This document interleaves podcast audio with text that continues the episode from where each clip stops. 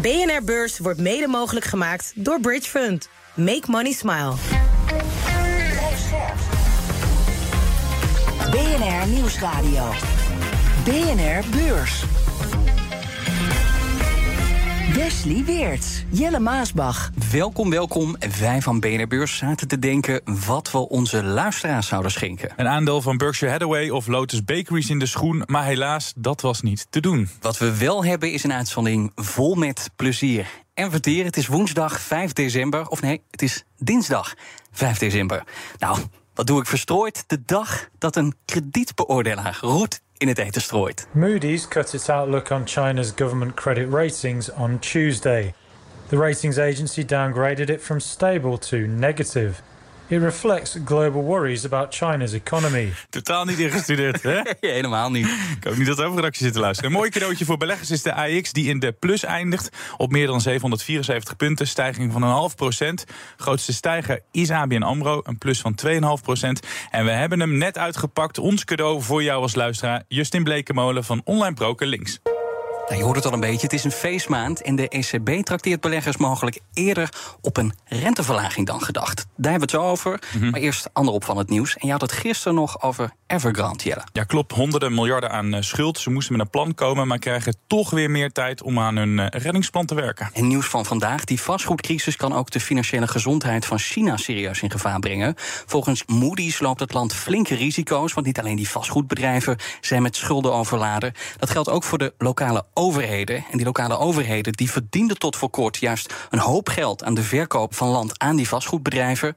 Maar ja, die vastgoedbedrijven die kopen nu veel minder grond nu ze zelf in de problemen zitten. En dus als het tot een reddingsoperatie komt, dan kost het eh, de centrale overheid in Beijing veel geld. Ja, als die met miljarden tegelijk te hulp moet schieten, dan raakt dat direct de kredietwaardigheid van het land. En dus verlaagt Moody's zijn vooruitzichten. Met andere woorden, de seinen staan op oranje. En dat dreigt op korte termijn een downgrade. Maar welke gevolgen heeft zo'n downgrade, Justin? Ja, zo'n uh, downgrade is in ieder geval niet positief voor hoe er naar, de, naar het land gekeken wordt. Door uh, beleggers, investeerders natuurlijk. Uh, die overheidsobligaties worden dan iets risicovoller. het gaat wel dan om een, ja, een lichte downgrade hè, van die overheidsobligaties wat dat betreft. Mm -hmm. Die houden dan wel de A1-status. Dus dat is gewoon nog best wel een, een goede kredietwaardigheid. maar ja, het zegt echt wel wat over ja, wat er gaande is in dat land. vastgoedcrisis, stijgende schuldniveaus. Uh, en mogelijk uh, gaat de overheid dus bijspringen. en uh, ja, al die reddingsoperaties aan die, aan die noodlijdende overheden en staatsbedrijven. Ja, Moody's denkt dat die gaan leiden tot structureel lagere economische groei. En, en, wordt het dan ook heel veel duurder voor China om dat extra geld bij te lenen voor die uitgaven die ze moeten doen? Nou ja, zo'n downgrade kan er wel voor zorgen dat, uh, dat de rente daardoor gaat stijgen. Dus dan uh, zullen ze inderdaad meer uh, geld kwijt zijn aan het uitgeven van obligaties. En maakt het beleggen in China ook onaantrekkelijker? Of ja, misschien voor sommigen nog onaantrekkelijker? Ja, ik wou net zeggen, ik denk al dat dat niet, al, al, niet heel aantrekkelijk was. En uh, nee, dat maakt het inderdaad wellicht nog onaantrekkelijker. Want ja, een deel van die uh, noodlijdende bedrijven... Ja, die zullen ze misschien ook weer gaan privatiseren. Wil ik het nog even hebben over uh, GTA? Speelde ik vroeger altijd, vooral dan GTA Vice City. Ik weet niet hoe het met jou zat. Ja, ik ben helemaal geen gamer, maar dit spel heb ik ook gespeeld. Ik vond, ja, dit is misschien een beetje gek... maar ik vond het vooral leuk om gewoon over mensen heen te rijden in dat spel. ben ik nou, de enige? Nee, ze zijn inmiddels bij GTA 6. Nou, de trailer is gelekt en nu heeft de maker toch maar officieel... de trailer geplaatst, is al miljoenen keren bekeken. Allemaal leuk en aardig. Maar ik vertel dit omdat de eigenaar Take-Two Interactive is. Nasdaq-bedrijf, dat is vele miljarden waard. En uh, er werd heel veel van GTA 6 verwacht. Maar niet van Bas van Werven. Die uh, heeft er niet zoveel zin in. Ik vind het een vreselijk spel. Auto's stelen, mensen afknallen. Ik vind het een raar verhaal. Ja, ook de belegger heeft er geen zin in. Het aandeel ging bij opening flink naar beneden. Staat nu een kleine 2% in de min. Fans die wachten al 10 jaar op het spel. Beleggers ook. En waarschijnlijk balen ze dat het pas in 2025 uitkomt. En niet nu. Ja, van tevoren werden uiteindelijk rond de 90 miljoen exemplaren verkocht. Al na de eerste drie dagen uh, miljarden omzet. Dus ja, is het wel belangrijk voor de inkomsten, zou je kunnen zeggen. Ga jij het kopen, Justin? Nou, misschien wel. Ik heb het vroeger wel, uh, wel gespeeld. gespeeld. Ja? Maar ja, ik, inmiddels game ik niet echt meer. Maar voor zo'n spel ja, moet je misschien toch wel weer een keer naar de winkel. Ik dacht al, waarom staat die laptop hier? Daarop ga ik gamen natuurlijk. nou, niet Joe Biden of Donald Trump, maar Robert F. Kennedy Jr. wordt de volgende Amerikaanse president. De Saoedi's kopen de Champions League en criminelen weten met een deepfake staatsgeheimen te ontfutselen. En het gevolg is de grootste veiligheidscrisis sinds de Tweede Wereldoorlog. En dat zijn allemaal voorspellingen voor aankomend jaar 2024. En het zijn allemaal voorspellingen die waarschijnlijk niet gaan uitkomen. En toch doet Saxo Bank ze. Die bank die heeft wat dat betreft een traditie Want ieder jaar komt het met de wildste voorspellingen, bewust. Voorspellingen die onwaarschijnlijk lijken, maar die wel zouden kunnen gebeuren. Hebben ze zo'n chef dozen in, eh, in huis die ze een taakje moeten geven... die ze dit allemaal laten uitvoeren? ik denk het. Iemand heeft tijd te veel in ieder geval. Maar het is wel zo dat veel van die voorspellingen de afgelopen tijd... hoe bizar ze ook waren, toch zijn uitgekomen. Zoals deze gebeurtenis. The total number of votes cast in favor of leave was 17,410,742. This means that the UK has voted to leave the European Union de brexit. Ook dat zagen veel mensen niet aankomen. Gebeurde uiteindelijk toch. Wat is voor jou de grootste verrassing van het afgelopen jaar, van 2023, Justin? Ehm, ja, we hebben wel wat uh, verrassingen gezien. Nou, misschien uh, de recente over, overwinning van uh, de PVV. Is misschien toch, komt toch wel als een, als een verrassing voor mensen. Ja. Uh, als ik kijk naar, naar de beurs en dergelijke, is, het is toch wel een verrassing geweest dat de beurzen, dat de aandelenbeurzen zo sterk gepresteerd hebben. Er werd eigenlijk al sinds eind 2022 gewaarschuwd voor een economische recessie. Aandelen laag onder druk. Maar dit jaar zijn de beurzen gewoon weer uh, 20, 30 procent hersteld. En die economische recessie die blijft maar uit. Ook ja, toch de rente is ook denk ik wel wat harder opgelopen dan, dan we hadden verwacht.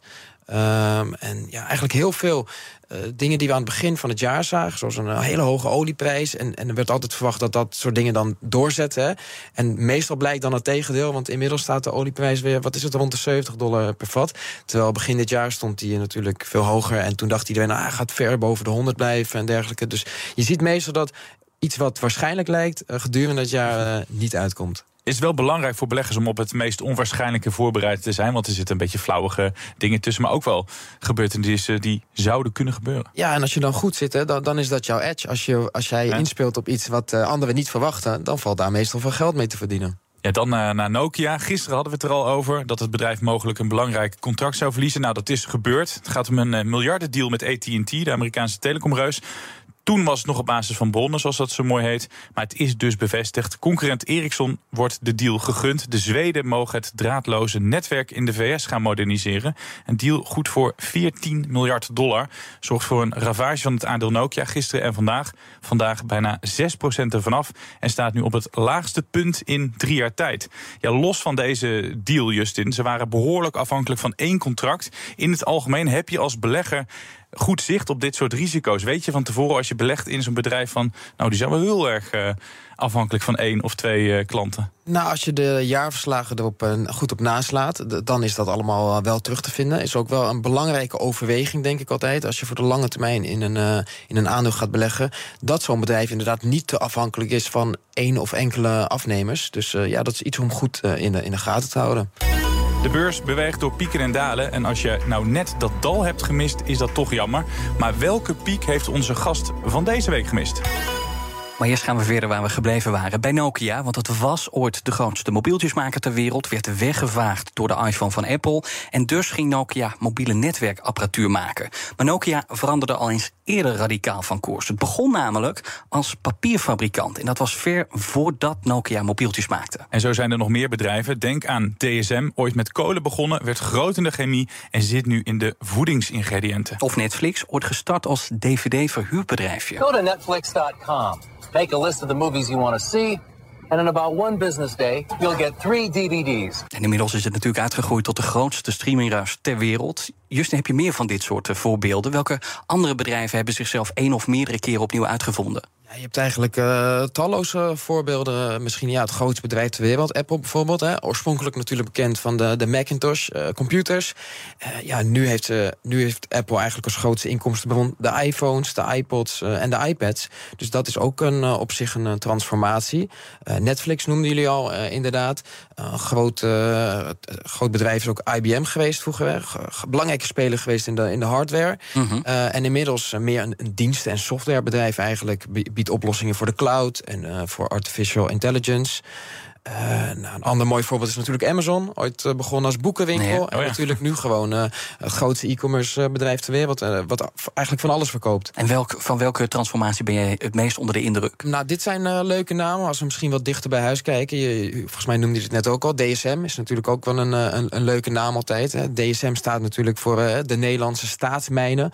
en Ja. nu doet het daar natuurlijk helemaal niks meer mee. Want het is nu inmiddels gewoon een chemiebedrijf. En die bedrijven die blijken dus een soort chameleon. Maar is dat nou een, een sterkte of een zwakte? Want je kunt zeggen goed dat ze zich heruitvinden. Maar je kunt ook zeggen, ja, ze doen iets of ze maken iets wat kennelijk achterhaald is, waar geen vraag meer naar is. Ja, het lijkt me juist goed om, uh, om je heruit te vinden. Want als je dat niet doet, ja, dan kan je ook zomaar ten onder gaan uh, als bedrijf. Er zijn ook talloze voorbeelden van bedrijven die het uh, niet gered hebben. Mm -hmm. Denk bijvoorbeeld aan een Kodak. Ooit de meest dominante speler in de, in de foto-industrie. Ja, die miste compleet eigenlijk de overgang naar digitale fotografie. En uiteindelijk uh, uh, ja, is het bedrijf failliet gegaan. Waarom lukt dat nou het ene bedrijf wel en het andere niet om zich uh, heruit te vinden? Ja, het is eigenlijk heel belangrijk dat je focust op verschillende factoren. Het is eigenlijk afhankelijk van een goed management, een goede strategie, maar eigenlijk vooral van de, de bereidheid van het bedrijf om veranderingen te omarmen. Dus ja, let je op de veranderende marktomstandigheden en doe je daar dan ook daadwerkelijk iets mee. Dus je zult moeten investeren in innovatie, ontwikkeling. Uh, en ook goed luisteren naar je werknemers. Want in het voorbeeld van Kodak bijvoorbeeld... zei de onderlaag eigenlijk, de werknemers zeiden al van... nou, we moeten toch echt wel meegaan. Maar het management, ja, het was eigenlijk heel star. En die zei, nee, dit is onze business en wij zullen hier mee doorgaan. En ja, toen zijn ze dus ten onder gegaan. Ja, wel terug. Ook een beetje dat Nokia ooit de grootste telefoonverkoper was... en niet echt uh, brood zag in smartphones. We weten allemaal hoe dat is afgelopen. BlackBerry ook natuurlijk, hè. Ja? Met die zakelijke mobiele telefoons. Ja, die, die, gingen ook, die dachten ook dat dat het beste was. Zo'n heel uh, toetsenbord op je mobieltje. En uh, ja, toen hebben ze toch door de opkomst van die touchscreens smartphones... Ja. hebben ze ook heel veel marktaandeel verloren. Er zijn heel veel jonge luisteraars die niet meer weten wat ping is... maar dat hebben we met de BlackBerry toen nog gedaan. Zijn op dit moment bedrijven waarvan je zegt... nou, die zouden in de toekomst nog wel als een Phoenix kunnen herreizen? Nou ja, neem bijvoorbeeld een, een Shell. Hè, dat, uh, dat, dat ze natuurlijk moet, zal zich ook moeten heruitvinden. Ja. Kijk, nu zitten ze toch nog wel even goed, omdat er uh, nog veel vraag is naar olie. Uh, en die vraag neemt ook nog toe. Maar op een gegeven moment uh, dwingen overheden op een gegeven moment af dat we gebruik maken van fossiele brandstoffen. Volgens mij 2050 wordt, wordt vaak genoemd. ja, dus we zullen op een gegeven moment wel echt steeds meer en meer moeten verschuiven naar die duurzame energiebronnen. Dus, maar, maar het lastige is, je moet als bedrijf dus toegeven dat je op de foute weg bent. Dat lijkt me nog het, het, het, het lastigste om dat ook naar je aandeelhouders te presenteren. Dat, dat is zeker lastig, want je zult dus als management dat uh, moeten toegeven. Dat is natuurlijk uh, lastig. En je zult heel veel moeten gaan investeren om je hele business om te bouwen. En uh, ja, dat is op zich een lastig verhaal. Het is onwaarschijnlijk dat de rente in Europa verder wordt verhoogd op korte termijn. Dat zegt ECB-lid Isabel Schnabel in gesprek met persbureau Reuters. Ze is verrast door de inflatiecijfers. Die zijn een aangename verrassing, zegt ze. En daardoor denkt het ECB-lid dat het niet heel logisch is dat de rente omhoog gaat. Ja, ze staat bekend als een van de meest kritische centrale bankiers. Wat zegt het jou dat ze nu om is? Ja, nou ja, de renteverhogingen zijn inderdaad van tafel. Hè. De, de, inflatie is veel sneller afgekomen dan verwacht. Uh, we hebben vorige week nog uh, nieuwe inflatiecijfers binnengekregen over november. Die kwamen uit op 2,4 procent. Dus we naderen eigenlijk al die inflatiedoelstelling van de centrale bank, die mm -hmm. 2 procent ligt. Uh, analisten verwachten op dat moment ook 2,7 procent. Dus ja, de, de cijfers, het inflatiecijfer komt sneller naar beneden dan uh, analisten hadden verwacht. En uh, ja, afgelopen zomer stond het nog boven de 5%. Dus het is echt erop gegaan. En uh, ja, dat, dat blijkt dus wel ook wel dat de centrale bankiers verwachten dat er niet nog meer renteverhogingen nee. nodig zijn. Dus de heren en dames doen goed werk in Frankfurt, zou je kunnen zeggen. Maar dan kunnen we misschien ook gaan praten over renteverlagingen. Ja, de ECB uh, neemt dan ook zeker ook wel een voorbeeld aan de, aan de Fed... waar uh, dat al uh, stilletjes begint door te dringen in de markt. Als we kijken naar, naar de verwachtingen van de beleidsrente van de Fed... ja, daar zijn verhogingen al helemaal uitgesloten. En als we kijken naar wat de markt verwacht... ja, die verwacht in het tweede kwartaal van volgend jaar alweer renteverlagingen. ja, en dan zal je zien dat de ECB daar natuurlijk achteraan holt. En we zien ook dat de markt het gelooft. Want als ik vandaag naar de rente zat te kijken... bijvoorbeeld Duits staatspapier, dat zakte hard weg. Nederlands staatspapier ook. Tot echt wel niveaus die we voor het laatst in juni hebben gezien. De Nederlandse tienjarige rente stond begin oktober nog op 3,4 procent. En vanmiddag op 2,6 procent. Dus het zakt ook hard weg. Maar de ECB kan dus geen roet meer in het eten gooien, zou je kunnen zeggen. Kan dit een soort van verlengde eindejaarsrally uh, worden? Ben ik toch wel heel enthousiast? Nou ja, we hebben wel gezien de afgelopen weken... toen die rentes aan het wegzakken waren... dat aandelen uh, daar positief op reageerden. Uh, ja. Afgelopen dagen zien we toch wel een kleine correctie op de beurs ontstaan. Want ja, op lange termijn kan je natuurlijk ook zeggen... waarom moeten die rentes omlaag? Nou, waarschijnlijk omdat er een economische recessie dan toch wel aankomt. De arbeidsmarkt koelt nu hard af. consumentenuitgaven in de eurozone zijn hard aan het dalen. Dus ja, zo'n renteverlaging betekent natuurlijk ook vaak dat het wat minder goed gaat met je economie. Mm -hmm. Dat kan juist weer een negatief effect hebben op de aandelenmarkten. BNR Beurs. Op Wall Street is de stemming ook negatief. De Dow Jones staat op een verlies van 0,4 procent. De S&P 500 verliest 0,2 procent. En de Nasdaq komt niet van zijn plek. Tesla, ja, het gaat er al wekenlang over. Die Tesla-stakingen in Zweden. Die staking begon bij personeel van Tesla. Inmiddels hebben tal van Zweedse vakbonden zich bij de acties aangesloten. Uit solidariteit. Waaronder bijvoorbeeld postbezorgers en havenmedewerkers. En die stakingen die breiden zich als een olievlek uit. Want nu sluit ook Denemarken zich aan. Tesla probeerde de afgelopen tijd via Denemarken die blokkade te omzeilen. Maar Deense havenmedewerkers gaan nu ook stoppen met het lossen van Tesla-auto's. En ook chauffeurs die auto's naar Zweden rijden, die leggen het werk neer. En dan denk je, beleggers zijn daar niet blij mee, want die auto's kunnen niet naar Zweden toe. Maar het aandeel staat toch 2,5 procent hoger. Pakken we nog een koers erbij, de koers van Take-Two Interactive. Hadden we het net over, het bedrijf achter GTA. 1,9% naar beneden. En uh, dan nog even over de Amerikaanse bank Wells Fargo. Gaat meer dan een procent naar beneden. Ik weet niet of het te maken heeft met de uitspraak van de CEO. Maar ik wil je zijn uitspraak uh, niet onthouden. Hij denkt namelijk dat Wells Fargo in het vierde kwartaal 750 miljoen tot 1 miljard dollar aan ontslagvergoedingen moet betalen. De bank wil efficiënter worden, zegt de CEO. Het opvallende is alleen, de ontslagen moeten nog plaatsvinden. Ze zeggen niet hoeveel mensen eruit gaan. Oh. Wel dat ze honderden miljoenen kwijt zijn. Nou, wel lekker voor het personeel zo net voor kerst. BNR Beurs. Deze hele week hebben we het over aandelen waarvan je de boot hebt gemist. Welk aandeel heb je per ongeluk laten varen en waarvan heb je toch een beetje spijt? Welk aandeel heb je meegenomen, Justin? Ja, er zijn er natuurlijk uh, talloze aandelen. Hè. Als, je, Oh, zeker, wel als je mijn werk hebt, dan zie je zoveel aandelen langskomen. En die zet je dan uh, regelmatig in je watchlist. En dan zie je hem in één keer een jaar later 100% hoger staan bijvoorbeeld. Ja, je kan ze natuurlijk niet allemaal hebben. Nee. Uh, maar ja, dit was in 2020. Toen tipte eigenlijk een, ja, een kennis van mij het aandeel Digital Turbine. Dat was toen zo rond de 4 à 5 dollar. En ja, een jaar later stond het ruim boven de 100 dollar. Zo. Dus uh, ja, dat is een behoorlijke rit uh, die je dan gemist hebt. Uh, maar het was een relatief klein bedrijf, zo'n 500 miljoen dollar.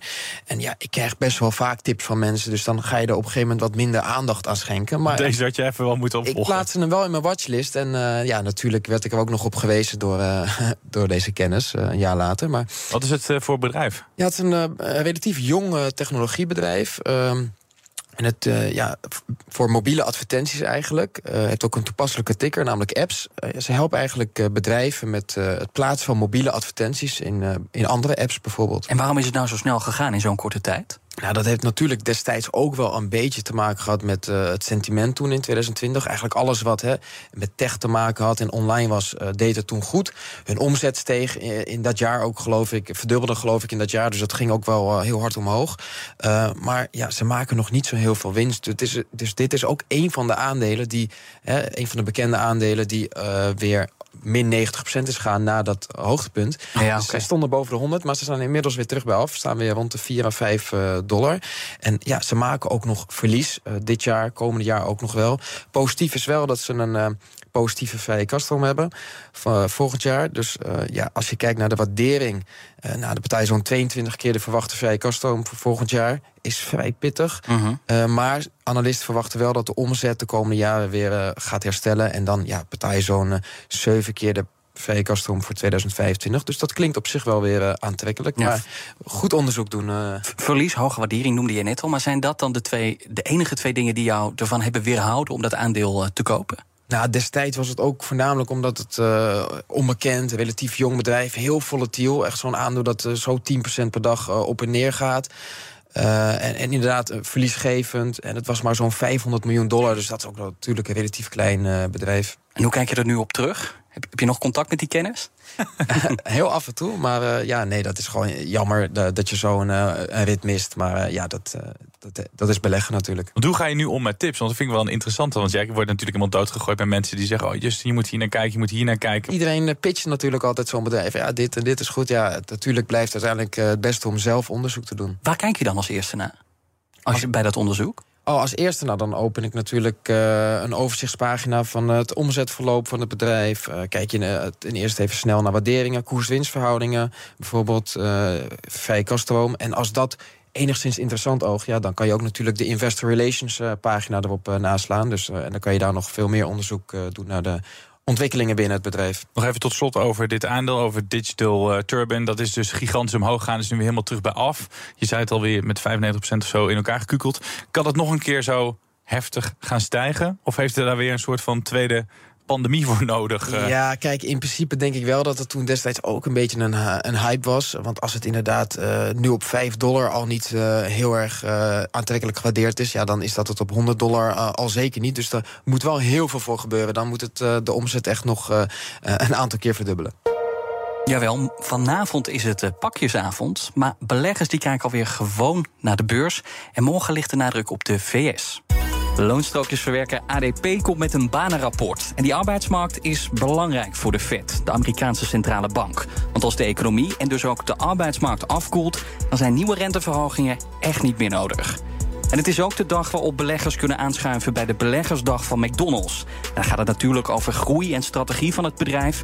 Maar veel belangrijker is dit. McDonald's appears to be getting ready to open a secret spin-off restaurant in Bolingbrook. It's called Cosmics. Jawel, een mysterieuze nieuwe spin-off van McDonald's. En als de geruchten kloppen, dan moet het een soort Starbucks worden... waar je de hele dag koffie en ontbijt kunt krijgen. Maar of je ook met je auto door dat tentje heen kunt rijden... dat krijgen we tijdens die beleggersdag te horen.